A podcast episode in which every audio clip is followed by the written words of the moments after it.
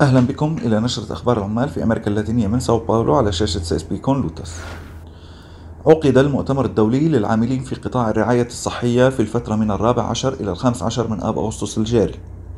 قدم عمال ونقابيون وأكاديميون من إيطاليا وفرنسا والبرازيل والأرجنتين وكولومبيا والولايات المتحدة الأمريكية والمكسيك بعرض تقاريرهم عبر تقنية الفيديو على المشاركين من 15 دولة. الاستنتاج الرئيسي الذي خرج به المؤتمر هو أن تسليع الرعاية الصحية أضعف هذا القطاع وأضعف القوى العاملة فيه وهو ما أدى لخصخصة البحوث والإنتاج الصناعي للأدوية. تسببت الحكومات الوطنية ومنظمة الصحة العالمية بكل هذه النكسات وهي السبب وراء الفشل في مكافحة جائحة فيروس كورونا. حث المؤتمر العمال والحركات الاجتماعية والباحثين على التكاتف للدفاع عن تعزيز نظام الرعاية الصحية العامة. أخيرا دعا المؤتمر إلى الأسبوع العالمي للدفاع عن الرعاية الصحية والحياة من الثامن عشر إلى الخامس والعشرين من تشرين الأول أكتوبر القادم. ترحب شبكة العمل الدولية للتضامن والنضال التي ينتمي سيس بيكون لوتس إليها بالمؤتمر وبالدعوة لأسبوع عمل دولي. تصدرت قضية قاصر تبلغ من العمر عشر سنوات حملت بعد تعرضها للاغتصاب عناوين الصحف في البرازيل في السادس عشر من آب أغسطس الجاري. وقد سمح قرار قضائي للفتاة بإجراء عملية إجهاض.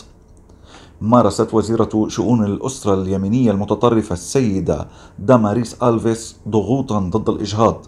ففي اليوم الذي ذهبت فيه الفتاة إلى المستشفى في مدينة ريسيفي في شمال شرق البرازيل حاولت عصابات يمينية متطرفة اقتحام مبنى المستشفى لمنع هذا الإجراء. وقد تجمع نشطاء حقوق المرأة أمام المستشفى لمواجهة الحشود اليمينية. في النهاية احترم حق الفتاة في الإجهاض وهي اليوم بأمان. يسمح القانون البرازيلي بالإجهاض فقط في حالات الاغتصاب أو تعرض حياة الأم للخطر لخطر الحمل أو فيما إذا ولد الجنين من دون دماغ. يتم إجراء أكثر من مليون عملية إجهاض بشكل غير قانوني كل عام مما يجعل منها واحدة من أكثر القطاعات غير القانونية ربحا في البرازيل بعد القمار وتجارة المخدرات ولهذا تناضل حركات حقوق المرأة من أجل الإجهاض القانوني والمجاني.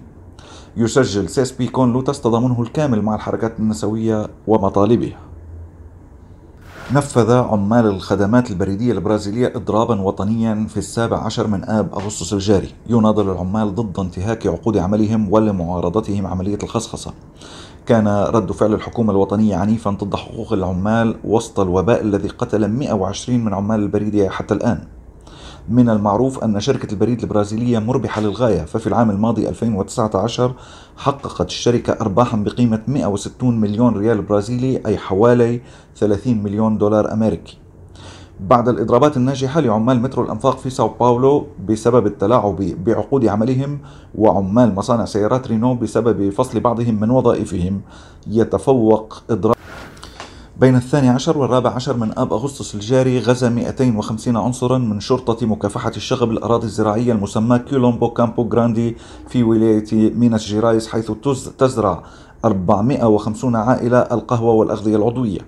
كانت بعض هذه العائلات تعمل في مجمع صناعي لقصب السكر أفلس في عام 1996 تاركا وراءه 400 مليون ريال برازيلي حوالي 80 مليون دولار أمريكي كديون للعمال ولحكومة الولاية.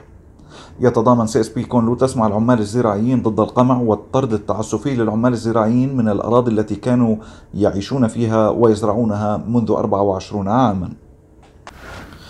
انتفض العمال البوليفيون ضد الرئيسة اليمينية المتطرفة غير المنتخبة جانيني أنيس بين الرابع والثالث عشر من آب أغسطس الجاري. بدعوة من اتحاد العمال البوليفي نفذ العمال إضرابا وأغلقوا جميع الطرق الرئيسية مما أدى إلى توقف البلاد.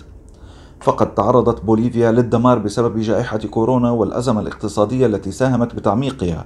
وقد عمل قسم من البرجوازية المتمركزة في مدينة سانتا كروز على إجراء انتخابات بعد الوباء للحفاظ على امتيازاتهم من خلال الحكومة الوطنية. لم ترغب الطبقة العاملة في الانتظار بعد الآن. أرادوا إجراء الانتخابات في السادس من أيلول سبتمبر القادم. وأخيرا ستجرى الانتخابات في الثامن عشر من تشرين الأول أكتوبر القادم. تعرضت المسؤولة النقابية البيروفية إيزابيل كورتيس لهجوم عنيف في العاشر من آب أغسطس الجاري من قبل عصابات مجهولة في مدينة ليما. جاء العدوان وسط نضالات عمالية ضد خصخصة خدمات النظافة في عاصمة البلاد. يعرب CSP-Conlutas عن تضامنه مع الأخت إيزابيل كورتيس ويطالب السلطات البيروفية بملاحقة ومحاسبة جميع المسؤولين عن الهجوم. أعربت العديد من المنظمات والحركات الاجتماعية عن رفضها تطبيع العلاقات الدبلوماسية بين دولة الإمارات العربية المتحدة والكيان الصهيوني كالمنتدى الفلسطيني اللاتيني وجبهة الدفاع عن الشعب الفلسطيني في مدينة ساو باولو. يدين CSP-Conlutas أي تطبيع مع الكيان الصهيوني ويدعو الشعوب العربية إلى النضال ضد كل الأنظمة العربية التي تتعاون مع أعداء الشعب الفلسطيني والشعوب العربية.